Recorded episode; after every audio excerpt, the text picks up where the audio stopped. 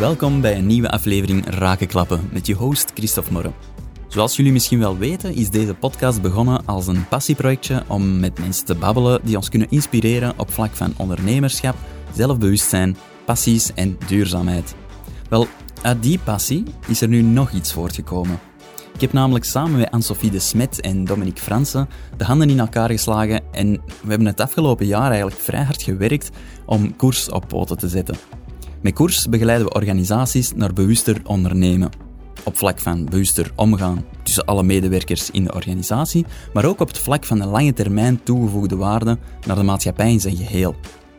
Het is dan ook heel leuk dat Raken Klappen niet enkel nog iets van mij persoonlijk gaat zijn, maar iets waar we met koers samen aan gaan werken. Om met boeiende mensen te babbelen en van elkaar bij te leren. Om dit allemaal wat toe te lichten, dachten we, laat ons er ineens een aflevering over maken. Trouwens, naast Raken Klappen, die veel meer gaat over ondernemerschap, teams en organisaties, kan je ook de Goesting-podcast van Anne-Sophie vinden. Die gaat veel meer over identiteit, persoonlijk leiderschap en zelfbewustzijn. Hopelijk is dit al grotendeels een antwoord op de vele vragen die we kregen de afgelopen tijd, maar als je toch nog vragen of opmerkingen hebt, laat het ons alsjeblieft weten. Op Instagram kan je ons vinden onder koers.team. Geniet ervan! Alright. Beginnen we eraan? Ja. Ja. Ja, Ehm, Alright. Goedemorgen. goedemorgen. We zijn hier eh, vandaag om, eh, om eens een beetje over koers te babbelen. Hè? Ja, yes. en we hebben dat gedaan met koekjes. Dominique heeft net koekjes gebakken. Mhm. Dus bij deze. Improvisatiekoekjes. Bruin is niet zwart. Dat is de quote dat we vandaag al, eh, dat ik vandaag al zeker gaan onthouden. Ehm, ja, nee, de, de insteek van vandaag is eigenlijk om een beetje toch eh, koers een beetje uit te leggen en is een beetje er dieper op in te gaan dan wat we heel kort op social media en zo kunnen teasen. Ehm, een beetje onze achtergrond ook, eh, hoe dat we er eigenlijk bij zijn gekomen. Ehm, want er komen heel veel vragen over, hè? Ook, ook bij u, Anne-Sophie. Ja, want ehm, voor degenen die mij nog niet kennen, ehm, ik ben ook eh, eh, coach. En ehm, ik heb een praktijk tot nu toe gehad, vier jaar in coaching. En eigenlijk zijn we nu met koers en goesting zijn we aan het samensmelten. Of gaan we daar één eh, unit of zo van maken. En dan gaan we vandaag ook even uitleggen hoe dat we hiertoe zijn gekomen en wat dat dan juist de bedoeling is. Goed. Ehm, om te starten misschien even kort een kader van wie dat we zijn. Want we gaan deze ehm, ook record, of we gaan deze ook online zetten op zowel de Raken Klappen podcast als die van Goesting. Dus dan hebben jullie gewoon het kader van ons drie. Want we hebben hier Christophe Morre, Dominique Fransen en mezelf, en Sophie. Wie begint? Je bent bezig, dus eh ga, ga er maar ineens voor, zou ik zeggen. Yes. Oké, ik ga het proberen wat kort te houden.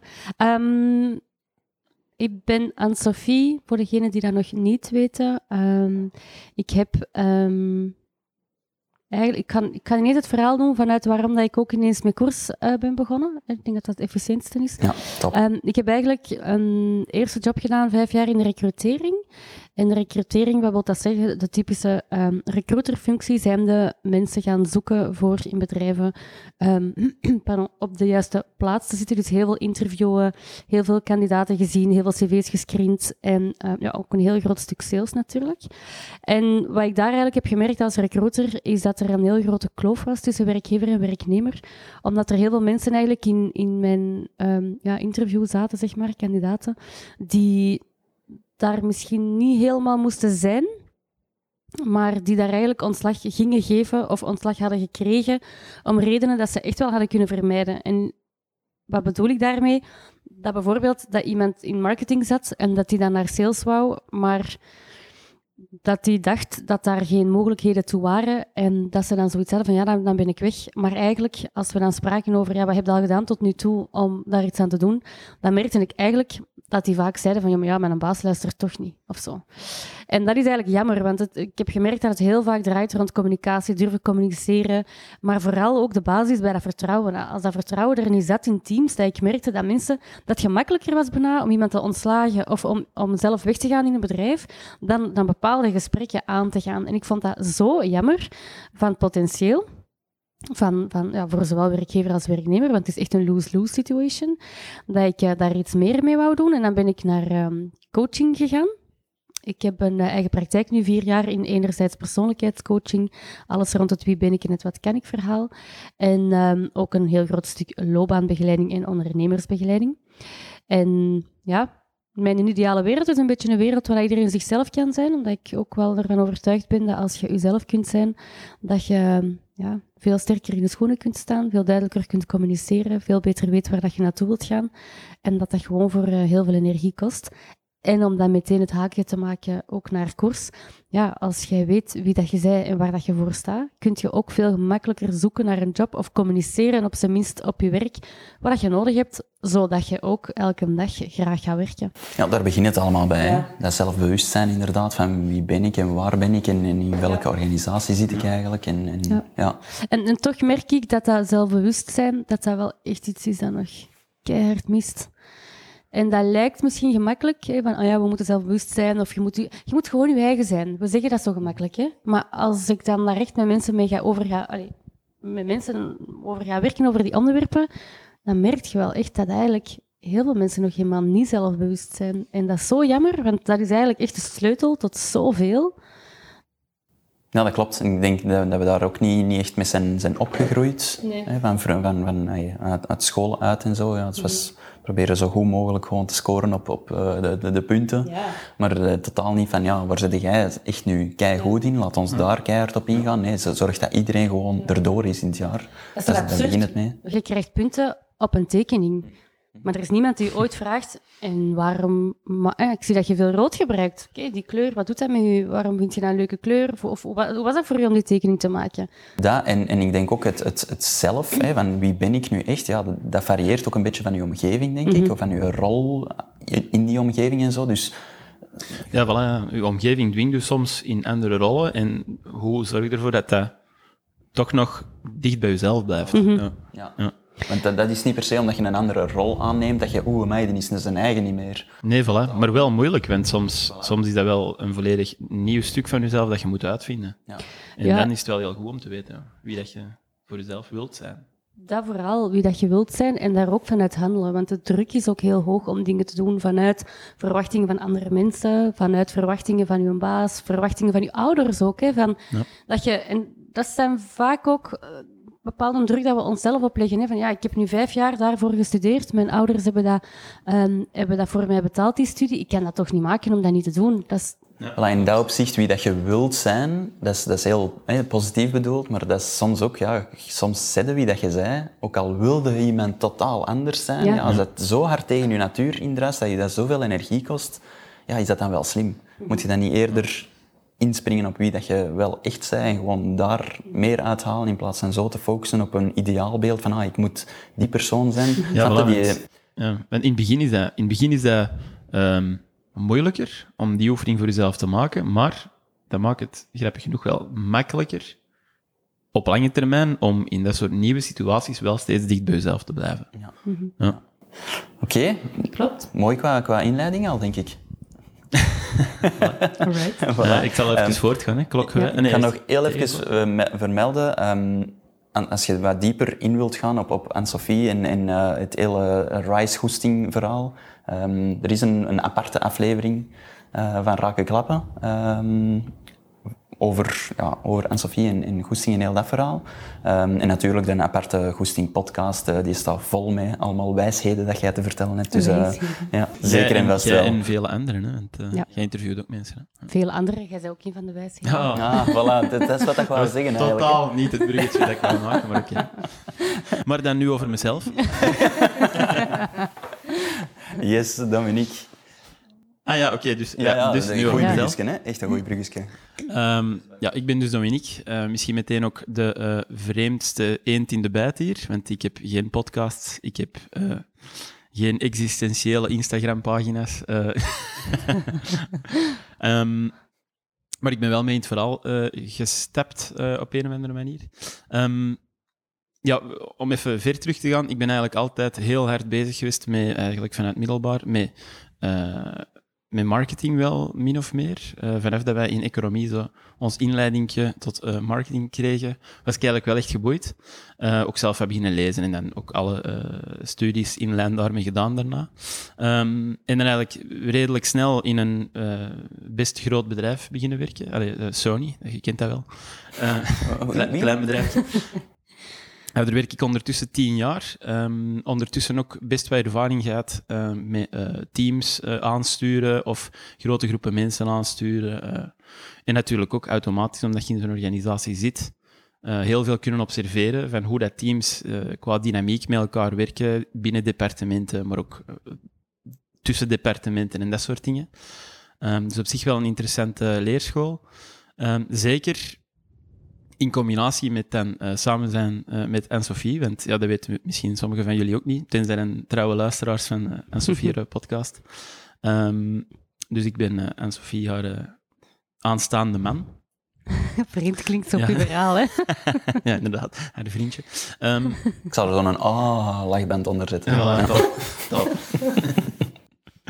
um, en waarom dat ik zeg dat dat interessant is, is omdat natuurlijk Anne-Sophie die komt ook thuis van haar werk en die spreekt dan ook over wat ze heeft gehoord in een dag en dat soort dingen. En origineel was dat van mij kent gewoon eerder als observator. Dus, dus uh, ik hoorde gewoon dingen en ik reflecteerde er af en toe wel een beetje over, maar niet veel meer dan dat. Ja, en ik ga daar, als ik heel kort mag tussenkomen, je hebt ook wel uh, uh, heel vaak de kritische noot geweest, hè? Omdat in, in mijn zaak, hè, bedoel ik. Dat je heel vaak hebt gezegd van oké, maar zou dat niet zo doen of zo doen? Of dat ik ook wel vaak met mijn, met mijn vragen naar u kwam, waardoor dat je er ook al zo wel wat in die materie zo wat in, in rolde, ja, onbewust. Hè? Ja. ja, maar ik, zal, eh, ik vind uh, de meest, het meeste dat ik geleerd heb uh, van, van erover te spreken met u, was vaak wanneer dat jij zelf gewoon dingen deelde die dat je frappant vond. Bijvoorbeeld, mm. wat je net zei, vond ik een heel interessante. Um, dat sommige mensen, of veel mensen, eigenlijk gewoon hun bedrijf gaan verlaten mhm. zonder dat het eigenlijk echt nodig was. En zonder dat er over gesproken is. Voilà, sterker nog, zonder dat er zelfs überhaupt over gesproken is. En um, ja, ik denk dat daar geen enkele organisatie uh, volledig onschuldig aan is. Um, dus ja, ik heb, ik, heb dat toch, ik heb dat soms ook wel zien gebeuren. Uh, ook gewoon in, in, in het bedrijf waar ik dan werk. En effectief, dan denkt je soms van, goh, dat was echt niet nodig. Of hoe komt het? Ja, oei, die vertrekt. En, allee. Uh, dat zijn dus dingen waarover ik dan zelf ook wel ben beginnen nadenken. En eigenlijk over de jaren heen meer en meer. Ook gewoon omdat wij er ook veel over spreken en zo. Um, automatisch um, zelf dus ook daar geïnteresseerd in geraakt. Op den deur ook zo voor mijn eigen team dan zo is uh, met een insights uh, persoonlijkheidstest gewerkt. ja, en ik vond dat ook duidelijk veel interessanter dan, dan veel mensen van mijn team. Uh, dus dat was automatisch, merkte ik daar wel dat dat, dat ook wel echt wel mijn ding was. Um, en dan een beetje fast forward naar nu. Um, ja, en dan zijn wij gewoon een keer aan de praat geraakt eigenlijk over, over wat dat voor ons een ideale wereld was. Hè, en hoe, dat wij, hoe dat wij het eigenlijk zagen. Um, en dan kon ik eigenlijk niet anders dan toegeven dat dat ook wel echt iets is waar ik ook wel echt mee, mee geïnteresseerd ben, ook wel echt mee over wil nadenken en, en, en aan wil bijdragen. Um, dus in dat opzicht, ja, voilà, um, een wereld ja, waarin dat enerzijds mensen meer kunnen ja, zijn wie ze zijn, zoals we net al zeiden, en um, dat ook gewoon in lijn met hun job. Uh, dus inderdaad, niet een helemaal andere rol moeten creëren voor jezelf. Iedereen kan vanuit zijn eigen ik, volgens mij, elke rol spelen. Maar je moet gewoon weten wie dat je dan zelf bent. En voilà. Dus dat vond ik heel belangrijk. En dan daarnaast, ja, um, ook heel hard gemerkt binnen mijn eigen organisatie dan, um, dat het zo belangrijk is dat mensen echt geloven in wat ze doen. Want dat mm drivet mensen echt om die extra mile te gaan, uh, om het dan echt in zo die, die typische managementterm uh, te zeggen. Maar eigenlijk om gewoon meer van zichzelf te geven zonder dat dat echt als inzet voelt. hè? Uh, dus dat is echt die intrinsieke motivatie die dat speelt. Hè. Dus, dus mensen geloven echt, in ons geval dan echt in Amerika, in Sony. En, en je merkt echt dat dat voor veel mensen echt wel een drive is om, om dat extraatje te doen en om trots te zijn op wat je doet en dat soort dingen. Dat, is die wilskracht. En ja, dat heel sterk is. Ja, klopt. Dat is, uh, klopt. Dat, is, dat is iets dat je heel moeilijk kunt opleggen, denk ik, aan mensen wilskracht. Dus, dat, dat komt vanuit je eigen. Hè? Mm voilà. en, maar dat is wel wat iedereen altijd zoekt in een sollicitatie. Want dat is het gekke, ze vragen altijd, ja, uh, waarvoor ga jij de extra mile? Of wat maakt dat jij de extra mile gaat? En dat soort dingen. En dat is, dat is eigenlijk een super holle vraag, tenzij dat je echt begint na te denken over wat een driver is voor mensen om dat te doen. Mhm. En die ook aanbieden. En dat is ook iets dat, ook gewoon door met heel veel vrienden van mij te spreken en zo, wel bij veel, eh, soms kleine, maar soms ook heel grote bedrijven gewoon ontbreekt. Dat mensen eigenlijk zijn vergeten, waarom doen we het hier eigenlijk? Eh, en dat we veel harder bezig zijn met onze korte termijn doelen van wat is de winst, wat is het cijfer, wat is het marktaandeel. Op zich allemaal belangrijke dingen, maar niet de dingen die instrumenteel zijn aan het succes van je organisatie, denk ik. En dat is ook waarom dat wij... Op lange termijn toch? Ja, voilà. Ja, wel op lange termijn. Ja, Ehm, dus dat is waar dat wij eh, dan ook eh koers mee zijn gestart. ja. eigenlijk. Dat is een beetje mijn, eh, Mhm. mijn verhaal. Hoppa, goed gedaan. We zullen zelfs die, dat stukje van koers nog wat meer toelichten. Ja, natuurlijk. hè? ja. We Ja. zijn aan het inleiden. Hè. Dat is al een cliffhanger, hè? Blijf luisteren. Ga niet weg. om, eh, om mijn insteek dan nog even te verduidelijken, want ja, ik, heb dat mijn eigen verhaal toch al een paar keer gedaan, ook, ook op de Rakenklappen podcast, dus ik ga er ook niet te diep in gaan. Maar wel voor Ehm, de hoestingluisteraars. Voor de goestingluisteraars, jullie kunnen ook dieper gaan hè, op, op mijn eigen eh, aflevering, maar ehm, ik ben dus eh, altijd ay, een stuk of 15 jaar ondertussen geboeid omtrent alles qua duurzaamheid. Ze begonnen met een klein boekje, Cradle to Cradle. Ik vond dat waanzinnig interessant. Ehm, hoe dat je van, van iets terug iets volledig opnieuw kon maken en alle positieve neveneffecten dat, dat, dat had. En ehm, altijd gedacht van, ah ja, ik kan ooit iets in een sustainable consulting gaan doen. Dus ook bij een grote consultant begonnen. Na twee jaar besef van, oei, deze was het toch maar niet. Eh, je moet doen wat je graag doet in je leven. En ik zit daar totaal niet, niet, niet graag. En dan ben ik terug mijn, mijn, mijn hobby eigenlijk gaan doen. eh, om toch een beetje mijn, mijn weekends te vullen met creatieve, leuke dingen. En dat is dan nou een beetje uit de, uit de bocht gevlogen, om het zo te zeggen. Ja, een beetje uit de hand gelopen. En dat is ondertussen zes jaar In mijn... mijn, eh, in een in een heel ja, goede- goede- richting, zeker en vast. Eh, ondertussen zes jaar mijn, mijn, mijn fulltime eh, job. Superleuk, veel mensen ontmoet, eh superveel verhalen, want het is foto- en videografie. En ja, als je dan zo wat mensen mocht interviewen en, en ja, heel vaak over bedrijven en dit en dat, dan kom je bij zoveel mensen in contact, met zoveel die, die drive en die wilskracht dat je merkt als je mensen interviewt in een half uur. Ja, je gaat vrij diep eh, daarop in. En heel veel daar ehm, te weten gekomen en, en besef van, ja, eigenlijk, dat boeit mij zo hard allemaal. En het is allemaal goed dat ik er een filmpje van maak, maar ik moet dat allemaal zo diluden naar, naar anderhalve minuut. En ach, er, er, er zit toch een bol energie in mij dat eruit wilt. En, en ik- ik kreeg hem niet volledig door, door mijn lens geduwd, om het zo te zeggen. Ik ben echt aan het voorstellen. Ja, ja, ja. Dat is een mental picture. Eh, het is dus figuurlijk. Ehm, dan eh Anne-Sophie, die dat ik tijdens mijn studies heb leren kennen, ehm, gecontacteerd, omdat zij ondertussen met, met, met Goesting, eh, met Rice, ehm, bezig was. En ik zei, oh, dat is misschien wel interessant. Een heel traject gevolgd.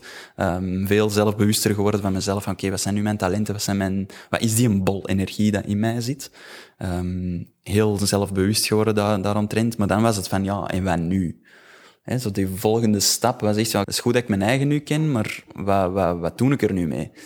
En dan heeft dat wel nog even geduurd eigenlijk, na, na het traject, denk ik misschien een jaar zelf, dat ik echt Ja. heb liggen zoeken, van, ja, in welke richting wil ik dat nu? En ik was dan hè, nou, met dat duurzaamheid veel meer duurzame klanten aan het opzoeken, om die hun verhaal te vertellen. Omdat dat mij een, mij een, een gevoel gaf van, oké, ik ben hier toch wel impact aan, aan het creëren. Dat voeden al een stukje uw nood aan. Voilà, voilà, Ja, ik enorm. herinner me ook dat dat uit dat traject heel erg was gekomen van dat jij iemand heel sterk zei in het vertellen van dingen. Terwijl dat je nu eigenlijk andere mensen liet vertellen. Ja, Maar ja. je- dat, dat was net je grote sterkte dat je niet gebruikte. Ja, en ik, ik, ik, denk, ik vertelde andere mensen hun verhaal, terwijl ik zelf een verhaal wou vertellen. En ik denk dat het daarover over, eh, gaat. En goh, ik denk dat wij vorig jaar in november, voor de eerste keer, dus een jaar geleden eigenlijk, ja. Zo is, zo is voor de eerste keer zijn, zijn, zijn samengekomen. Ehm, want ik wist altijd, ah, ik kan iets met duurzaamheid doen. En ik was al zoveel boeken aan het lezen over leiderschap en over eh, zo, de duurzaamheid met een grote D. Zo het lange termijn denken en al die dingen. En ik dacht altijd van, als ik later ooit een bedrijf heb, ja, dan wil ik dat allemaal toepassen en allemaal dat doen. Maar wat wil ik dan van bedrijf doen? En ik was zelf naar een ecover en zo aan het denken van, ja, wel, ik wil misschien daar gaan werken en zo. Maar ja, ga ik genoeg geboeid zijn om alleen maar wasmiddel te verkopen? Ik wil zoveel meer doen. En dan de, de Nicolas van Sustainable Family heeft, heeft toen eens aan tafel gezegd van ja, maar begint gewoon toch iets met al die kennis, met al die passie dat je hebt over dat leiderschap en de duurzaamheid en al dat ding. Begint daar gewoon een, iets mee. En toen zijn wij rond tafel gaan zitten van oké, wij zitten echt alle drie met zo'n gelijkaardige visie en zo'n gelijkaardige droomwereld uh, voor ogen. Um, en ja, dat, die foto's, zalig om die nu terug te zien. Uh, ja, vooral omdat je, toen was er, was er niks, hè? Nee. Allee, dan was er een, een soort van gemeenschappelijk gevoel. En het is wel cool om te zien hoe dat je dat toch op een jaar, het is uiteindelijk toch een jaar geweest, dat is eigenlijk lang, denk ik, ergens. En ook kort voor waar we nu staan, weet Maar, maar eigenlijk is dat voor mij um, anderhalf jaar geleden, omdat wij waren, Dominique en ik, wij waren in Frankrijk. Manon was net geboren. En ik weet nog dat ik in het zwembad zat en we waren bezig over Stephen Covey. Ehm, de Seven Habits. En ik zei nog aan Dominique van, oh, ik zou daar zo graag met goesting workshops over doen, maar ik ben niet zo goed voor groepen en ik kan niet zo goed dat uitleggen en jij kunt dat veel beter uitleggen. En, nou, en ik merkte ook wel, we waren er heel veel over bezig aan het brainstormen en Dominique vond dat ook wel leuk. En dan was ik aan het denken van, en toen is dat bij mij begonnen. En dan kwam, kwam de Gemora, kwam jij ook heel snel in mijn hoofd. En ik weet nog heel goed dat ik aan uh, Dominique die week of de week daarna heb gezegd, eigenlijk zijn er maar twee mensen, als ik met iemand zou samenwerken, zijn er twee mensen met wie ik zou dat zou doen. En dat is met u en met de morgen. En ik denk ook dat dat gewoon komt omdat wij tijdens het uw-traject ook heel hard gemerkt hebben van... Ja, het is wel gek dat we iets totaal anders doen van jobinhoud, maar dat wij wel dezelfde visie of dezelfde manier in het leven staan. En dat is gewoon mega zot dat dat nu een jaar, anderhalf jaar later ook gewoon zo is gebleken. En dat is wel, ja, dat is wel heel tof. Ja. Leuk verhaal. Leuk verhaal. Ja, toch? Dus uh, dat is een beetje hoe dat we tot stand uh, zijn gekomen, denk ik. Maar um, wat is dat nu? Wat gaan wij, wie, wie gaat er een beetje vertellen wat dat onze, onze insteek is? Ik denk um, dat we het eigenlijk in, in veel woorden al hebben gezegd net, hè? maar we moeten het misschien iets condenseren. Um, ik, denk, eh, ik vind nog steeds, allee, als mensen mij dat nu vragen, zeg ik eigenlijk nog altijd hetzelfde. Uh, en dat zijn eigenlijk onze eerste twee slides van onze pitch, wanneer wij dat niemand laten zien. Um, en dat is enerzijds, er is meer dan gewoon een job hebben. En dan anderzijds, voor bedrijven of voor organisaties, is er meer dan gewoon winst maken. Ja. En het ideale huwelijk daarvan moeten we binnenkort proberen vinden, samen met organisaties die met ons willen werken. Um, ik vind dat een goede om, om die twee te omschrijven. Waarom? Omdat dat eigenlijk twee, uh, dat vertrekt eigenlijk uit twee volledig andere trajecten. Enerzijds dat van de werknemer en anderzijds dat van de werkgever. En toch merk dat die twee elkaar super hard bekrachtigen. Want wanneer dan een werknemer het idee heeft dat hij naar zijn werk gaat voor veel meer dan alleen zijn loon, dus ook echt duidelijk intrinsiek gemotiveerd is, dan gaat hij automatisch Um, een smile hebben wanneer hij mag over vertellen over zijn werk. Gaat hij enthousiaster zijn? Gaat hij automatisch door erover te vertellen andere mensen enthousiasmeren over de organisatie waar mm hij werkt? Uh, gaan die mensen ook die organisatie opzoeken? Het zijn leveranciers, het zijn klanten, het zijn weet ik veel wat. En dat is dan het bedruipende effect naar die organisatie. En omgekeerd, wanneer die organisatie vanuit haar uh, ja, pouvoir, om het zo te zeggen, vanuit haar kunnen, um, ervoor zorgt dat mensen gemotiveerd zijn. Dus enerzijds door een goed team te creëren en daar een veilige structuur en al dat soort dingen, maar anderzijds ook door gewoon zelf een heel ambitieus en impactvol toekomstdoel uit te zetten, dat mensen daar ook automatisch geworven door geraken. En dat is dan wederom niet alleen de werknemers, maar even, even goed partners, klanten en weet ik veel wat allemaal. Uh, dus dat is mijn insteek van, van, van wat het is. Mag ik, mag ik de analogie van een boot komen nu. Zeker. ja, ik, vind dat een heel, een heel leuke om te vertellen, omdat dat ja, eigenlijk alles zegt. Ja. Um, als ik, een klein beetje wat de naam ja, toch ook een beetje, hè? Ja, ja, koers, ja. Um, dus, dus we leggen het eigenlijk heel vaak aan de hand van, van een boot uit. En als we dan vragen van, ja, wat hebben allemaal nodig voor een boot te laten varen? En de eerste is dan altijd ja, water. Dus ja, dat klopt inderdaad. Hè. En, en, je kunt in dat opzicht kun je een, een vlakke zee hebben, maar je kunt ook een heel wilde zee hebben. Uh, en ik denk dat een coronaperiode een heel wilde zee is voor heel veel, voor heel veel boten. Dan heb je een boot zelf. Het materiaal van een boot, dat kan een kleine Zodiac zijn, maar dat kan een groot containerschip zijn. Um, dus, dus size doesn't matter in dat, in opzicht, denk ik. Um, dan heb je ja, de mensen die aan boord zijn, de, uw bemanning. Um, wat dan een heel belangrijke is, denk ik, uh, waar we heel hard op, op, op focussen met, met, ons, met ons, ons onderdeel van, van het, het team. Eigenlijk ervoor zorgen dat, dat je, je bemanning eigenlijk met, met allemaal de neuzen in dezelfde richting hebben, dat er een, een, een, een omgeving van vertrouwen wordt gecreëerd, dat er een, een goede communicatie is tussen de kapitein en zijn bemanning, dat iedereen op de juiste plek zit, volgens zijn sterktes, volgens zijn talenten. Uh, doen we dan aan de hand van een Lumina Spark, kunnen we misschien straks nog even verder op ingaan. Um, maar dus ja, dat, dat, dat, dat mensen niet op een verkeerde plaats zitten, dat een roeier niet, niet op een roeiplek zit, terwijl hij eigenlijk ja, veel liever in de keuken eh, eten zou zitten maken voor, voor iedereen. Um, dat, dat iedereen echt naar zijn sterktes en talenten eigenlijk in, op zijn plaats zit. Um, en anderzijds, natuurlijk, ja, een, een heel efficiënt varende boot met iedereen op zijn plek, dat is allemaal keigoed, maar ja, in, in welke richting vaarden? Zijn er gewoon toerkens aan het doen? Hè? Je weet het eigenlijk niet goed, of, of je, je gaat waar dat de stroming u brengt, je gaat waar dat de wind u waait, of zeg je nee, we gaan echt die richting uit, dat is waar we echt naartoe willen. Um, is iedereen mee aan boord? Dat is een hele belangrijke om te vragen. Want als, als, als een boot in een bepaalde richting vaart en je zit op die boot als bemanning en je denkt, oh, eigenlijk wil ik helemaal niet naar daar. Ja, dat, is, dat is die intrinsieke motivatie dat je, waar je het over hebt, denk ik. Dat je zegt van, ja, zorg dat de mensen die aan boord zijn, dat die mee zijn met de richting naar waar ze uit willen. En dat is de, de, de, het koersonderdeel eigenlijk. Maar sterker nog, om dan even naar het marketingverhaal terug te keren. Ja, um, je hebt die quote, to a ship without port, any wind is favorable. En dat wil eigenlijk zeggen, ja, een schip dat geen bestemming heeft of geen haven heeft waar het naartoe moet, ja, daarvoor maakt het niet uit van waar het de wind blaast, dat gaat altijd wel in een richting meegaan. Maar uh, om het dan even vanuit de marketingkant terug toe te lichten, ja, um, dat is totaal niet consequent en totaal ook niet begrijpelijk voor, uh, voor, voor potentiële klanten of leveranciers of weet ik veel wat. Dus wanneer een bedrijf niet ergens heel specifiek voor staat, gaat dat eigenlijk altijd zo'n beetje de grijze muis zijn en gaan mensen er ook niet specifiek voor kiezen omdat ze denken van ja, dat, daar geloof ik echt in.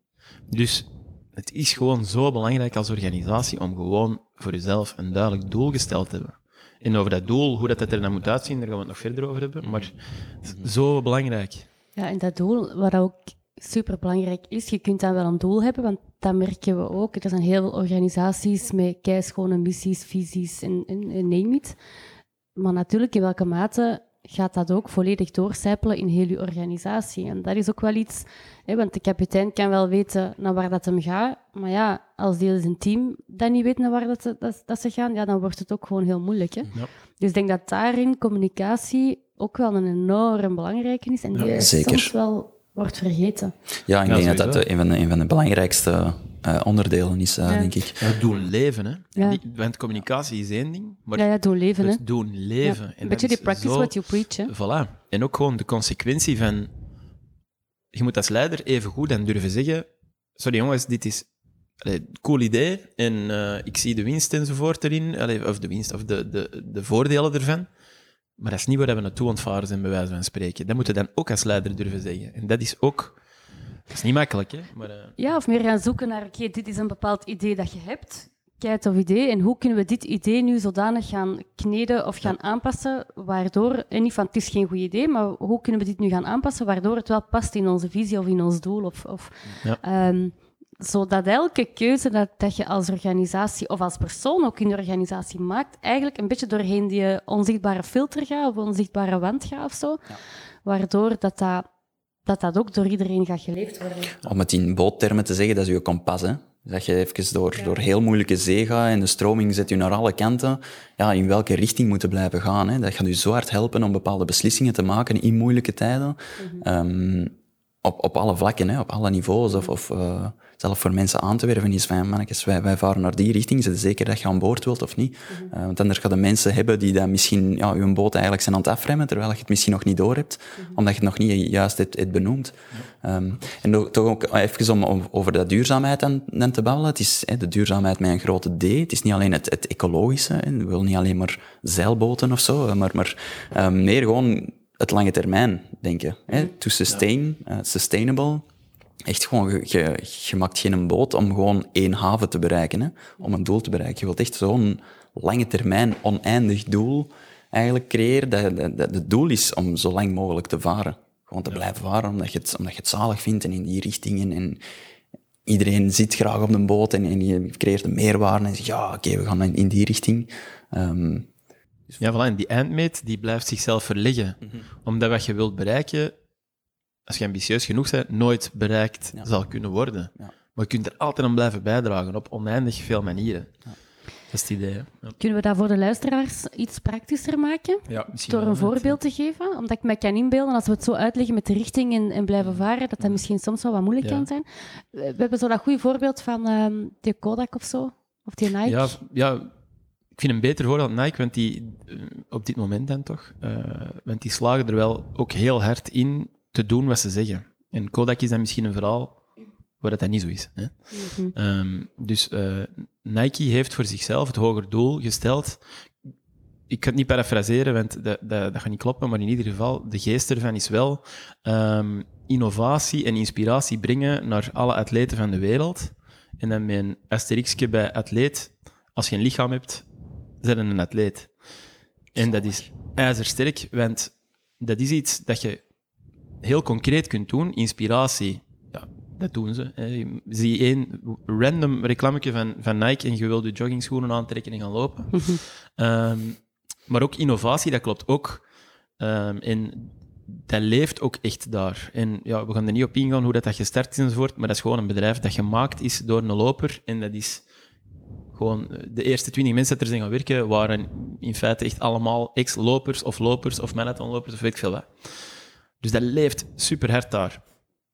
En ja, er is, er is ook een reden waarom dat die zo gigantisch groot is en dat iedereen van in Afrika tot in eh, Europa tot in Azië dat bedrijf kent.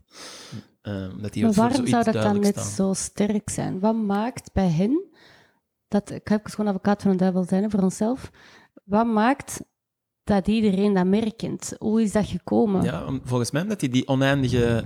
Die hebben, die, die hebben geen eindlijn. Wa- Wat is inspiratie brengen? Dat kan op duizenden manieren. Wat is innovatie brengen? Dat is nog sterker, want dat kan op een miljoen manieren waarschijnlijk. Eh, en dat gaat ook veel breder dan een schoen. Want die zijn nooit met een schoen begonnen, maar die zijn heel rap beginnen denken van, ja, maar ja, nee, oké, een atleet is niet alleen een loper. Een atleet is elke soort beweging. Dus die zijn helemaal uitgebranched naar basket, naar, naar baseball, naar hockey, naar weet ik veel wat naar kleren, naar pitten, naar weet ik veel wat. Eh, en, nu, momenteel, zaten die alleen in een apparel, dus dat zijn dan eh, kleding en schoenen. Maar even goed, technologisch gewijs. Die, die werken samen met Garmin, met, met loopmerken, met Apple Watch, met, voor sensoren in je schoenen, dit en dat. Dus die innovatie die werkt in alle manieren ehm, mogelijk. En dat is het coole eraan. Dat is iets eh, redelijk concreet geformuleerd, maar toch ook niet. Want innovatie kan van alles zijn. En dan kunnen we misschien eens overstappen naar het voorbeeld van een Kodak. Ik vind het inderdaad wel een goeie om, om het nut misschien er toch nog eens even van, van eh, duidelijk te maken. Ja, want nu heb je een goed voorbeeld gehoord, maar je hebt even goed... Ja. Ja, een, een, vo- een voorbeeld waar eh, ja, extra duidelijk wordt wat dat nut is van zo de, de oneindigheid. Dus, dus Kodak is, is oorspronkelijk gestart ehm, om eigenlijk de, de fotografie te democratiseren. Ehm, vroeger was fotografie echt een, een mega niche product. Dat was een gigantische bak en dat kostte waarschijnlijk ja, stukken van mensen. En je liet een fotograaf komen om één foto te laten maken op je trouw. Omdat dat, ik spreek over de jaren stilletjes, hè. Ehm, met zo'n grote flits en er kwam dan rook uit en van alles en nog wat. Dat is niet de morretijden. Dat is niet de morretijden. Nee, toch niet. toch niet. Dan moet ik wel voor twee foto's. Ja. Ehm, en dan heeft, heeft Kodak eigenlijk gezegd van oké, we gaan die fotografie-business echt proberen te democratiseren. En echt naar, eh, tot een paar jaar verder natuurlijk, dat, tot ja, eigenlijk de, de kleine analoge toestellen, ehm, waar je echt gewoon, gewoon foto's kon laten ontwikkelen voor, voor eh, eigenlijk geen geld, tussen aanhalingstekens. De wegwerpcamera. De die zien we nu nog op, de, op tafels van, van Trouwens natuurlijk nog. eh, leuke nostalgie.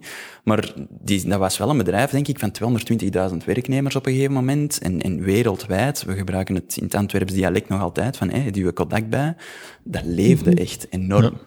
Ehm, wat is er gebeurd in de jaren 70, 80, denk ik? Zijn de eerste ontwerpen gekomen van een digitaal eh, toestel. Ik denk dat Xerox daar, daarmee is gekomen, weet ik niet juist. Ehm, en, en Kodak stond dus ja, voor, voor, voor de keuze van oké, springen we daar mee op of niet?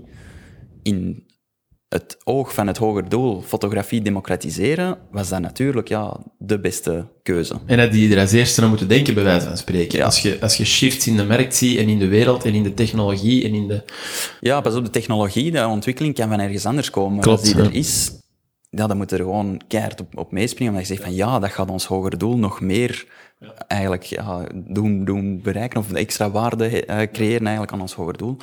De managers van toen hebben gezegd van nee, nee, nee, nee. Uh, weet jij hoeveel dat wij verdienen al, al, al, onze chemicaliën om alles te ontwikkelen en alles te doen. Ja, plus op dit uh, moment zijn we ook nog gewoon veel beter in wat voilà. we doen en je krijgt betere foto's en het is nog goedkoper en dit en dat. Exact, exact. Um, dus hebben ze dat niet gedaan en ik denk dat ze dat tien jaar hebben kunnen volhouden. Dat ze echt zeiden van, ja, we waren nog altijd merkleider. En toen is ja, echt het digitale enorm hard geboomd. Um, en, en heeft Kodak eigenlijk echt de boot gemist. um, en is eigenlijk nu terug een mega niche product geworden. Ja, en sterker nog, nu, nu heb je heel duidelijk het idee dat die zelf geen idee hebben wat ze doen. Want ja, die maken nog die, die camera's, maar tegelijkertijd maken die automatische selfie-sticks, hmm. maken die, weet ik wat voor random accessoires die dat eigenlijk allemaal nog maar heel weinig te maken hebben met waar die origineel mee zijn gestart, namelijk democratiseren van de fotografie. Ja. Dus dat is, een, dat is zo'n voorbeeld inderdaad van hoe dat je door je visie te start te houden eigenlijk complete mist in kunt gaan en eigenlijk niet meer in functie van je hoger doel aan het werken zijn, maar eerder in functie van je korte termijn doelen, namelijk toen, ah ja, nee, we zijn de goedkoopste, uh, nee, we maken superveel winst met wat we, wat we maken, uh, we hebben die gigantische economies of scale gecreëerd, uh, dat is niet zo gemakkelijk om te doen op andere vlakken of andere technologieën, en daar dus stoppen, ja, dat maakt dus dat je opdroogt op termijn, om het zo te zeggen. En dat wil niet zeggen dat wij winst niet belangrijk vinden. Hè? Mm -hmm. uh, heel belangrijk. ja. want uh, laat dat wel heel duidelijk zijn, ook in dit verhaal. Um, dat is wel superbelangrijk. Maar wij geloven er wel in dat winst een gevolg kan zijn van uw lange termijn denken. Ja, of, per definitie een gevolg is, is, van ja. een effectief uitvoeren van uw lange termijn denken. Als je nu gewoon denkt aan... Uh, aan Kodak, bijvoorbeeld? Ja, aan Kodak, ja. Voilà, die hebben het dan slecht gedaan, maar je moet ook denken, je kunt er ook in een ander licht naar kijken. Hè. En ik denk dan... Uh, aan een random, uh, laat ons zeggen, de farmaceutische sector. Ik kan nu geen bedrijf noemen, maar stel nu dat je in een farmaceutisch bedrijf werkt, ja, je kunt in twee manieren kijken naar waar dat, bedrijf verwezenlijkt. En tegenwoordig is een tendens heel hard uh, die beurskoers is gestegen naar 60 miljard, of weet ik veel wat, een aandeel is nu 700 euro waard. Of, en, en dat wordt echt als wapenfeit gebruikt van de organisatie vaak, van kijk hoe goed dat we het doen. Tegelijkertijd is dat zo'n platgeslagen cijfer, je ziet er eigenlijk niks mee, behalve dan de cijfertjes stijgen of dalen. Tegelijkertijd ga je mij niet vertellen dat heel veel werknemers daar werken en u gaan vertellen, ja, wij hebben het aandeel doen stijgen naar 700 euro. Nee, je kunt ook op een andere manier naar kijken en je kunt zeggen van, wij hebben dit jaar, of wij hebben deze afgelopen tien jaar, uh, niet 10.000 aan het begin, maar ondertussen al 300.000 mensen geholpen om hun, leven te ver, uh, hun levenskwaliteit te verbeteren of te verlengen of weet ik veel wat. En ja, je moet geen rocket scientist zijn om te begrijpen welk van de twee het meest motiverend is voor de mensen die dat er komen werken. Of sterker, de drang bij iemand opwekken om er te gaan werken. En dat is ook iets dat zo belangrijk is. De twee zijn hetzelfde, want van die 10.000 naar die 300.000 mensen is gebeurd en daardoor is die beurswaarde waarschijnlijk gestegen. Maar mensen komen werken voor het ene, maar het andere wordt gecommuniceerd. En dat is iets heel belangrijks. En dat is hetgene wat ik in mijn praktijk heel veel hoor. Ja, um, ik hoor eigenlijk heel vaak, en dat is, ik ga niet zeggen dagelijks, want ik kan daar geen getallen plakken, maar van letterlijk van ja, ik ben eigenlijk mijn, de zakken van mijn baas aan het vullen. Of ik ben eigenlijk mijn bedrijf aan het laten groeien, maar ja, wat ben ik daar eigenlijk mee? Want ja, als ze mij niet meer nodig hebben, dan, we zijn zo'n nummer, dan, dan gaan ze mij toch laten gaan. Ze missen eigenlijk allemaal die impact, hè? En ze missen die impact. En ik denk dat zeker de generatie van, van nu, en dan spreek ik over... Um, over wat spreek je dan? De generatie van... De millennials, hè? Zeker millennials. Ja, millennials. En, en welk? Wij dus.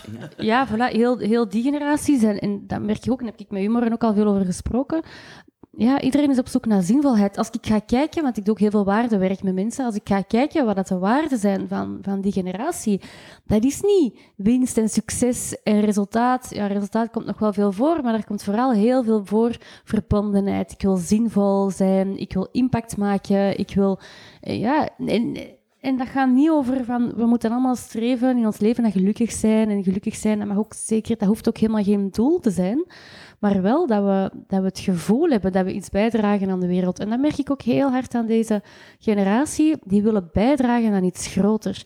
En dat wil niet zeggen dat wij allemaal vrijwilligerswerk moeten gaan doen. Dat zou wel super zijn, natuurlijk, maar bon, oké, okay, ook realistisch zijn. dat dat niet voor iedereen kan om... om ja, en dat, we, dat systeem er niet zo is op gecreëerd. Want om te overleven moeten geld verdienen, om te Ja. geld verdienen moeten werken. Ja. En, het, en het mooie is, wat je zegt nu, dat vrijwilligerswerk, inderdaad, heel, je, zie- je kunt dat, vandaag de dag wordt dat eigenlijk zo gezien als, als ik dat doe, dan compenseer ik voor alle andere dingen die ik niet doe tijdens mijn job of zo. Maar wanneer dat je hoger doel op Voilà. een juiste manier van een organisatie geformuleerd is, ga je ook net dat een beetje aanpakken. Want mensen gaan het idee krijgen dat ze in hun dagelijks werk ook impact hebben die dat de wereld ook misschien op een of andere manier een Mhm. betere plek maakt. En dat moet niet op de meest, eh, de meest wollige manier zijn. Hè. Dat moet niet per definitie zijn, ehm, we doen goed voor het milieu, punt. Nee, dat kan, dat kan even goed zijn. We creëren meerwaarde voor de maatschappij op een brede manier. Het zij door, eh, door meer mensen aan de slag te krijgen eh, met ecologische producten, ehm, maar niet alleen ecologische producten, maar sociaal ingestoken Allee, whatever. Zolang je de maatschappij in het algemeen maar een beetje beter maakt met wat je dagelijks doet. ja, en, Ik weet niet of dat super duidelijk was. Ja, maar ik kan, ik kan dat eigenlijk wel nog heel goed verduidelijken met een persoonlijk voorbeeld, als dat oké is. Ehm, toen ik net zelfstandig was, dan was ik heel erg de loopbaanbegeleiding aan het doen via een organisatie. En dat was eigenlijk, ja, bandwerk is meteen een groot woord, maar de, focus lag echt heel erg op, oké, hoe meer hoe beter. Ook zo de eerste jaren van zelfstandig, van oh, de onzekerheid, ik ga mijn maand niet halen, dus eigenlijk heel veel klanten doen. Ehm, en ik merkte dat ik eigenlijk twee jaar lang heel veel bezig was met ook die zin. Ik voelde mij eigenlijk, ik voelde mij wel nuttig, maar ik was de hele tijd aan het focussen op zo, ah, mijn, mijn droom is eigenlijk vier vijfde werken en één vijfde vrijwilligerswerk doen. Ik was heel veel bezig met, ah ja, eh, gaan ploggen of goede doelen. Maar ik ben dan ook niet van om alleen geld te storten en voor de rest niks te doen. Ik vond het dan belangrijk om ook effectief iets te doen. Ehm, en ik werd daar zo heel onrustig van. Ja, dat wil ik jij weten, want ik heb daar al veel over gesproken. En dan werd ik er onrustig van. En dan had ik zoiets, en dan ben ik zo, heb ik dat hoger doel eigenlijk van, of eh, die visie van, van persoonlijke dingen, van ehm, ik, ik, wil, ik droom eigenlijk van een wereld waar iedereen zichzelf kan zijn. En dan ben ik eigenlijk beginnen beseffen van hoe meer dat ik al de keuzes die ik deed, en dat is eigenlijk ook ineens het Nike en het Kodak-verhaal, even op een, een, een laagdrempeligere manier uitleggen. Alle beslissingen die ik nu maak, of die ik de voorbije twee jaar heb gemaakt, die met koers gaat het allemaal wel wat veranderen, want dan worden we één, maar zijn door die filter gegaan, waardoor dat ik eigenlijk, die onrust is eigenlijk verdwenen, omdat ik merkte van, ja, maar het gaat niet allemaal over... ehm, er is, iets goed doen is veel meer dan een goed doel of vrijwilligerswerk, of het kan ook in uw job, en dat is ook hetgene net wat duidt wat je er juist vertelde, en ook gewoon even weer op een heel praktische manier. En om daar nog even op in te springen, het gaat, er- het gaat erom, denk ik, dat je goed bent naar, naar alle stakeholders. Of zo goed Ja. mogelijk naar alle stakeholders. En niet per se, ja. wij doen goed, want wij doen jobcreatie. Ja, als dat een nadeel is van de stakeholder milieu of de stakeholder eh, whatever, eender welke andere stakeholder, ja, dan, dan voelt het dan niet juist aan. Ja, dat is heel vaak de eerste rationalisatie van mensen die dat je hoort van... Wij, ja, wij, wij dragen bij aan de maatschappij. Ah ja, jobcreatie. Ah ja, eh, groei. ehm, Heel Ja. economisch, hè? ja, heel economisch. En dat is ook niet een fout, want Dat is zo, ja. het is ook zo dat de wereld ook een beetje zo is vandaag de dag, dat, dat alles op heel economische basis wordt geëvalueerd. Maar zoals aan Sophie zegt, die impact is ook zo belangrijk. En ik denk wanneer dat mensen naar het werk kunnen gaan met het idee, ik ga vandaag mijn job doen en ik wil maximaal bijdragen aan ons doel, aan wat we willen doen, die winst, die volgt. Ah ja, want wanneer dat mensen hun, hun alles geven om dingen te bereiken, dan ga je automatisch gewoon een enthousiaster team krijgen, maar ook gewoon alle stakeholders gaan er enthousiaster van worden, want je voelt gewoon dat, iedereen, dat er bij iedereen zoiets als een gemeenschappelijke ziel leeft waar dat je naartoe moet werken. En ik denk dat dat, dat wat we nu allemaal aan het vertellen zijn, ook een beetje een reden kan zijn van waarom dat er in organisaties vaak ook een generatiekloof is. Of Ja. waarom dat er in organisaties een kloof is tussen het management, dat er eigenlijk al heel lang is, ehm, en de mensen die nieuw zijn. Want dat merken we ook heel hard, hè, dat dat heel moeilijk is om samen te werken, zowel naar, naar management, en, en, maar ook naar collega's tussen elkaar die volledig andere leeftijden hebben. En ik denk dat we hier ook een beetje een, een, een Ja. van de verklaringen Wat meteen ook al een beetje een gevolg is, zijn alle burn-outs die dat je vandaag de dag hoort. Hè? Ja. Mensen die gaan werken en die moeten werken, werken, werken, werken. Vaak voor managers die dat eh, nog niet in, de, in dezelfde mindset Mhm. zitten. En ja, wanneer dat je alleen maar werkt om te werken en denkt van, voilà, dan heb ik mijn geld verdiend en dit en dat. ja, dan ga je eigen totaal niet opladen met je werk, waardoor dat die burn-out weer veel dichterbij komt. Mhm. En allee, ehm, je hebt onder een steen geleefd. Als je niet hoort dat de laatste jaren die burn-outs echt door het Mhm. dak gaan. hè. En dat heeft ook gewoon te maken met het feit dat de wereld op dit moment misschien nog net iets te hard bezig is met, met die permanente groei, zonder echt te kijken naar wat, dat, wat dat de bredere impact is van een organisatie op de wereld. Hoewel ik wel het gevoel heb dat er heel rustig aan wel Ja, echt een switch aan het komen is. Want ik, allee, dat merken we nu ook wel met koers. We zijn, ja, eigenlijk is deze podcast ook een stuk van onze lancering, maar eigenlijk tot nu toe waren we nog niet officieel gelanceerd. Ehm, maar wij merken wel, als wij ons verhaal doen aan andere mensen, dat wel iedereen zegt, amai, dat is zo nodig bij ons. Dus dat je wel merkt dat er nood aan is, dat mensen zich daar bewust van zijn. Ik heb nog nooit iemand die gezegd die zei van, oh, dat is raar, of oh, dat is nieuw, of oh, bij ons is dat niet nodig. Dus je voelt wel de nood. En ik denk zeker ook na een, een lockdown, en we zitten nu Ja. in de tweede lockdown, dat mensen even een tijd krijgen om eens even afstand Mhm. te nemen en even stil te staan. Van, een beetje zelfreflectie van, wat doe ik nu eigenlijk? ik? Nu ben ik uit die organisatie en doe ik puur even mijn job. Ja. Dus je hebt niet de mensen rondom je heen die altijd hetzelfde doen, dus dat lijkt normaal, maar je, zegt, je neemt even afstand, dus je, ja, je automatisch denkt eens even na van, wat doen we eigenlijk? Want als er iets is dat het afgelopen jaar wel echt heeft gedaan voor heel veel mensen, is mensen gedwongen om even rustiger te zijn en eigenlijk uit die dagelijkse sleur te halen. Mhm.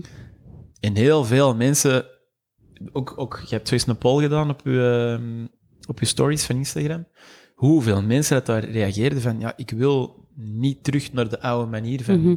van werken en Dat was leven. in de eerste lockdown. ja, voilà, ja. de- die rat race, wanneer dat je er ineens uitgehaald wordt en er terug in moet, dan Mhm. is dat met weerstand. En weerstand zegt iets, hè. Dat, dat, dat zegt u iets. Dat is ook omdat mensen dat pas beseft hebben tijdens de lockdown van wow, wat was deze? Ja, wij ook, hè.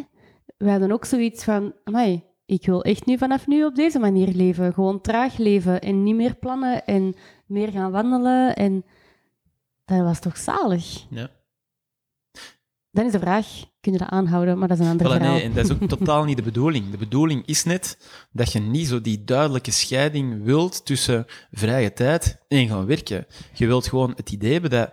En dat wil ook niet zeggen dat je nu ineens eh 7 op 7, 24 op 24 moet beginnen werken, maar het moet wel het, je moet wel het idee hebben dat je ook van je werk oplaat en dat je van je werk ook energie krijgt. En heel vaak ja, eh, zagen mensen vroeger een weekend om op te laden voor die nieuwe week. Ja, dat zou niet de bedoeling mogen zijn. Hè? Thank God it's Friday. Ja, wel. maar- Misschien om even wat samen te vatten. Eh, we hebben nu al heel veel gebabbeld, maar om het een beetje in een nutshell te gieten. Welke richting willen wij varen? Ja, ehm, dat is het grappige en dat is ook het mooie eraan, vind ik. Eh we beginnen onze pitch ermee, maar ik vind dat ook echt wel wat wij willen doen. En dat is, dat is gewoon eh, streven naar een wereld waarin dat mensen gaan werken voor meer dan gewoon een loon. In bedrijven die dat voor meer willen werken dan alleen maar winst. Ja, echt die waardecreatie. Echt die waardecreatie op alle vlakken. Hè? Dus zowel op, op personeelskant, als allee, op werknemer, als op werkgeverkant. Ehm, ja, Naar alle eh, stakeholders gewoon te koeren. Klopt. Ja. En vaak ook gewoon, hè, om het dan heel concreet te maken, gewoon organisaties helpen om zichzelf op dat vlak misschien niet te her- heruit te vinden, maar gewoon terug te ontdekken. En terug te zien, juist, daarvoor doen we het, want je hebt er zoveel die dat ooit met een bepaald ideaal zijn gestart. Van de week spraken we nog eh, met die, die man met dat verzekeringskantoor. Die zei zelf ook van, ja, dat is eigenlijk echt waar, hè, want ja, op den duur er ook zomaar wel aan het doen, want ja, je bent in je, in je leven aan het blijven en je bent bezig, ja, deze jaar en volgend jaar. en- maar waarom zijn wij ooit gestart? En Mhm. dat, dat. Waarom zijn we ooit gestart? Dat vuur terug aanwakkeren en eigenlijk heel de organisatie terug daarvan doen leven. Dat is voor mij zo belangrijk, om dan helemaal terug naar het begin te gaan voor mij. Want dat is, dat is in eerste instantie ook wat marketing was. Begrijp je? Alle neuzen in dezelfde richting. Ja, dat verhaal vertellen. Dat, voilà, dat verhaal vertellen. Goed vertellen. Zorgen dat dat iedereen werft. Dat dat... Ja, ja, ik vind dat echt... eh, Voor mij is dat de essentie. Concreet, hoe, hoe pakken wij dat aan? Ja. Ja, ook in twee trajecten eigenlijk. Hè. Ehm, wij, we focussen. noemen, onze website is koers.team. voilà, nu weet hem ook. Je kunt gewoon kijken. Koers.team. Uh, dat zijn ook meteen de twee trajecten die dat weliswaar uh, door elkaar lopen. Hè, want het is niet dat wij uh, één traject exclusief kunnen doen. Het zijn de twee dat je samen doet. Maar één is heel erg gemikt op het team. Dus dat is dan ja, team. um, wat doen we daar? We gaan kijken hoe, hoe werkt het team? Wat zijn iedereen sterktes? Um, is er een veilige omgeving, om het zo te zeggen? Hè? Dus kan iedereen zijn feedback kwijt uh, zonder erover afgestraft te worden? Of uh, voelt iedereen ook dat zijn input, input gebruikt wordt? Um, het is ook door die uw sterktes en zwaktes te kennen van elkaar en van je eigen en van elkaar, dat je ook gewoon veel beter gaat kunnen feedback geven en kunnen communiceren, wat dat automatisch een vertrouwensomgeving gaat creëren. Ja. En, en, ja, en daarboven, dat maakt ook je organisatie efficiënter, want dan kan er minder tijd gestoken worden in eventuele conflicten of um, dingen die misbegrepen zijn. En kan er meer tijd gestoken worden gewoon door de mensen in te zetten op hun sterktes. Ja. En dat de mensen hun sterktes kunnen benutten. En ze ook stimuleren om daar zelf ownership over te nemen. Want ik vind het ook heel belangrijk om te vermelden dat wij, um, wij werken heel bottom-up. Maar wij vinden het belangrijk dat zowel de werknemer als de werkgever verantwoordelijkheid neemt over zijn eigen loopbaan, pad, toekomst. Ja. Um, want het is echt wel een twee-kanten verhaal. Ja. Want ook als werknemer heb je ook je eigen loopbaan in de hand. Want als jij niet communiceert, dan kan je werkgever ook niks aan je situatie veranderen. Voilà. En dat is dan die veilige omgeving waarover dat we spreken. Je moet het idee hebben dat je ook kunt aangeven binnen je team, aan je manager, weet ik veel aan wie, dat je op dit moment het idee hebt dat je misschien niet 100% van je sterktes gebruikt. Of dat je misschien eens zin hebt om een andere functie te gaan vervullen en dat soort dingen. Um, ja, dus dat is het ene deel, dat is het teamdeel. En dan heb je het, het koersdeel. Hè. Um, en dat is echt gaan kijken samen met de organisatie. Van kijk, wat zijn nu onze kernwaarden? Uh, wat is de, wat is voor ons ons hoger doel? Wat is waar wij naartoe willen werken op oneindige termijn? Um, ja, en hoe doen we dat? Dat is dan even goed door waarden en normen workshops. Dat is ook door een hoger doel workshop. Dat is door, uh, door leadership trajecten met management. Om ook, wanneer dat alles geformuleerd is, ervoor te zorgen dat dat ook blijft leven in de organisatie. Ook daar dat er ownership is over het feit dat we nu in die richting varen. En dat we dus ook kiezen om dingen wel, maar ook zeker niet te doen. Um, en dat zijn onze twee, uh, onze twee pijlers eigenlijk. En we beginnen eigenlijk met een soort situatiescan, of uh, nee, we noemen het de ontdekkingsreis. De foto. De foto, inderdaad. Gewoon even kijken van, oké, okay, hoe is het vandaag in die organisatie? Waar zijn er pijnpunten of niet? Uh, waar we extra op kunnen, uh, op kunnen hameren. Ja, dat doen we ook heel transparant, want iedereen vult het in, maar dan wordt het ook aan iedereen getoond. Dus het is niet dat, de, dat de slechte dingen onder de mat geveegd worden of dit of dat. Nee, want dat creëert net de discussie waaruit dat we gaan halen waarom de bepaalde pijnpunten er zijn. Mhm. Die dan meteen ook meegenomen worden in het lange termijn traject uh, mm dat we doen. De rest hebben we de naam Lumina Spark laten vallen. Um, Lumina Spark is een tool dat wij gebruiken in het hele eerste stuk uh, van het team. En dat is eigenlijk een ja, onwaarschijnlijk waardevolle tool um, op zowel individueel niveau, maar ook op organisatieniveau, als je die ook echt gaat gebruiken in je organisatie. Waarom? Omdat je eigenlijk um, per persoon gaat eigenlijk een persoonlijkheidstest gaan uh, nemen. Ik noem dat niet graag test, want dat is eigenlijk geen test. Dat is eigenlijk ook gewoon een foto maken van jezelf. Van waar zijn mijn sterktes, wat zijn mijn blinde vlekken, waar is mijn potentieel nog om te groeien, enzovoort. En je gaat eigenlijk een 24-tal eigenschappen gaan wij meten op drie niveaus. In welke mate of wie zijt je als niemand kijkt, wie zijt je in dagelijkse omgang en wie zijt je onder stress. En op die manier, omdat je op die drie niveaus kunt gaan werken of uh, ja, jezelf kunt gaan ontdekken, zeg maar, ga je ook heel goed kunnen pinpointen, ja, wie ben ik op die 24 eigenschappen dan natuurlijk, want wie ben ik is natuurlijk een grotere vraag dan enkel dat. Hè.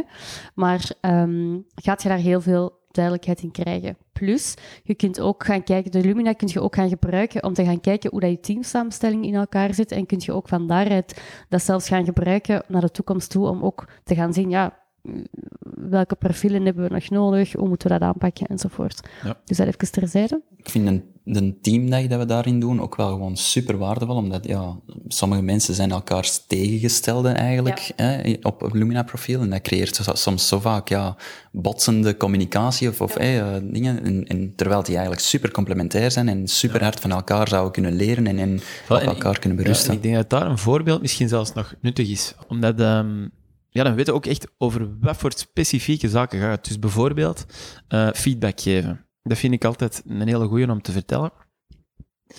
Wanneer je feedback geeft, ehm hangt het er heel hard vanaf wat voor iemand er voor u staat, of dat die feedback aangekomen of niet. En ook heel hard vanaf op wat voor manier dat je die zelf geeft, vanuit wie dat je zelf bent. Ehm, dus om een heel concreet voorbeeld te halen, je hebt dus mensen met heel veel groene energie en daartegenover heb je mensen met heel veel rode energie. Ehm, en om het dan heel concreet op feedback te hebben, mensen met heel veel groene energie zijn heel mensgericht, zijn heel empathisch. Ehm, en wanneer dat je die feedback geeft, wordt die feedback heel vaak eh, niet gesplitst van de persoon. Dus de inhoud wordt niet losgekoppeld van de persoon voor dat soort mensen. Dus automatisch, wanneer je het niet juist kadert, krijg je bij die mensen dat feedback aanvallend kan overkomen. Omdat die mensen betrekken dat heel hard op zichzelf. Dus het project was niet zo goed, betekent jij wordt niet zo goed voor die mensen. Ehm, je begrijpt automatisch dat dat niet is hoe dat je wilt communiceren met mensen. Of dat dat niet is hoe dat mensen de boodschap moeten ontvangen wanneer dat je feedback geeft. Omgekeerd hebben de mensen dan met rode energie. En dat zijn mensen die dat ehm, heel direct zijn vaak, die dat ook resoluut eh, hun mening verdedigen en ook niet bang zijn om daarover in discussie te gaan.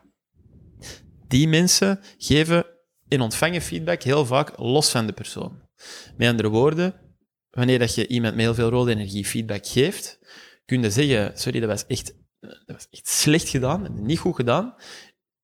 En wanneer dat je dat logisch kunt onderbouwen, gaan die mensen dat waarschijnlijk gewoon aannemen en zeggen, ah ja, oké, zo zit dat dan. Ah ja, oké, ik zal erop letten voor de volgende keer bijvoorbeeld. Of ik ben het niet met u eens en in discussie gaan, want voor de duidelijkheid, die zijn niet per se meegaand dan of zo. Ehm, zoals je dus merkt, dat zijn twee volledige andere profielen. En wanneer dat die twee tegenover elkaar staan en feedback geven of krijgen, kun je dus tot een botsing komen en gaat het niet aankomen. En dat is dus hetgeen dat ik er straks over sprak. Dat is ineffectief gedrag, want er gaat veel te veel energie gaan in het feit van oh, ik heb dat persoonlijk genomen en waarom heeft hij dat gezegd en dit en dat. En die inhoud gaat verloren. En dat is gewoon een van de concrete dingen waarop dat we werken. Kijk, wanneer je feedback geeft, wie ben ik? Wie staat er tegenover mij? En wat moet ik doen om mijn communicatie zo aan te passen dat de boodschap overkomt en dat er zo min mogelijk energie verloren gaat aan de interpretatie ervan en het misbegrijpen daarvan. Hmm. Uh, dat is de super concrete die dat daaruit komt. En zo hebben we echt ja, dus 24 eigenschappen, om het zo te zeggen, die dat je tegenover elkaar kunt zeggen, die dat allemaal, wanneer fout geïnterpreteerd, een conflict Mhm. kunnen uitlokken of energie doen verloren gaan in, uh, aan, aan, aan het dagelijks Mhm. werk. Voilà, en dat geeft jullie ook ineens een heel concreet voorbeeld van wat dat eigenlijk wil zeggen. Nu, um, naast dat traject waar dat we werken op die twee pijlers, zijn de, het teamstuk en het koersstuk, uh, is er ook nog uh, goesting. Mm-hmm. Ja. Want dat zorgt soms ook nog voor enige verwarring. Um, goesting is eigenlijk dus uh, de praktijk waar dat ik, die dat ik al vier jaar um, heb. En nu ook samen met Charlotte? En ik wou inderdaad Ah, ja. net zeggen, nu ook met, met Charlotte. Ik heb een nieuwe collega bij, superleuk sinds uh, de zomer. En we hebben ook door dat, de komst van Charlotte en onze samenwerking met Koers, dat dat eigenlijk een beetje samen is gevallen qua timing. Um, en zo overlappend was met elkaar. Want eigenlijk heeft zowel Koers als Goesting dezelfde visie, maar de uitwerking in doelgroep is eigenlijk anders. Want ik werk met Charlotte... Um, naar particuliere en solo-ondernemers. Of ik werk met ondernemers die misschien wel een team hebben, maar die komen wel in solo-coaching, ik zal het zo zeggen. En um, Koers heeft eigenlijk dezelfde visie, maar werkt naar organisaties toe. En daarvoor hebben we ook besloten dat we gewoon alles onder de naam Koers uh, gaan zetten. Dat dat eigenlijk de hoofdorganisatie wordt, zeg maar. En dat Goesting daar gewoon een tak van is. Ja, want je gaat gewoon twee trajecten hebben. Hè? Het organisatietraject, Koers, en het ja. uh, individueel traject, Goesting. Goesting, ja. En ik denk dat we daar ook, dat wel interessant is, omdat als we merken in een organisatie dat iemand bijvoorbeeld individuele coaching nodig heeft, hebben we ook de expertise in huis om die mensen ook te gaan begeleiden. En dat versterkt elkaar op die manier ook gewoon veel harder. En omgekeerd, hè? Ja. Omgekeerd, wanneer dat iemand uh, of een bedrijf heeft of in een team werkt uh, of een team managt Ja. en die merkt van, goh, hetgeen dat we hier nu één op één aan het doen zijn, dat zou ook echt heel Ja. nuttig zijn voor mijn team. Dat- Dan kunnen we dat ook gewoon naar koers doorschakelen en eh, daarop gaan werken. Dat is ook een van onze eerste klanten, hè, die op die manier klant is geworden. Hè. Ja. En ehm, vandaar ook de verandering van naam. Want Ja. Rise en Koers was een beetje raar, dus het is Goesting. Hè, want Goesting eh, was de naam van uw traject eigenlijk. En Rise was de naam van, je, van, uw, van uw bedrijf. Dus, eh, Top. Dus voilà. Ehm, willen we er nog iets aan toevoegen? Was dat duidelijk? Ik denk dat wel. Hè. www.koers.team. hè? En dan ook nog www.goesting.coach. Voilà. Instagram. En voor Dominique is het 04728. Nee, is niet. Hoe weet je dat? Nee. Voilà, ik denk dat dat wel een beetje duidelijk maakt, een beetje het verhaal, hè, waar er toch heel veel vragen naar, eh, naar hem komen. Ehm, ik, eh, ik hoop dat het eh, voor, voor vele mensen ehm, toch een beetje duidelijk was en, en misschien inspireert en misschien eens even doet nadenken van, tja, dat is bij ons ook zo, of, of ah, dat, dat klinkt wel interessant. Ehm, laat het ons gerust weten, Ehm, zowel op de Goesting podcast als op de Rakenklappen podcast. Ehm, Ja, voilà, want we're, we're at the very start. Hè. Ja. Dus in dat opzicht zijn er voor ons ook naar de toekomst toe nog veel groeimogelijkheden, want we gaan ook podcasten. Dus eh, voilà, bedankt voor deze heel fijne babbel. Yes. Dat is En, ehm. Er zullen er nog vele volgen. Ik zou zeggen tot ziens, maar we gaan gewoon verder werken hè, Dus eh voilà. Ja. Alright. Salut tot allemaal. Bye bye. Bye bye. Bye bye. En zo zijn we weer aan het einde van deze aflevering. Wat vond je ervan? Laat het ons even weten. En als je het de moeite vond, houd u vooral niet in om het te delen met mensen. Je mag ook altijd een review plaatsen. Zo kunnen hopelijk nog meer mensen deze leerrijke babbels ontdekken. Heb je nog vragen of opmerkingen? Let us know. Op Instagram kan je ons vinden onder koers.team. Bedankt om te luisteren en tot de volgende.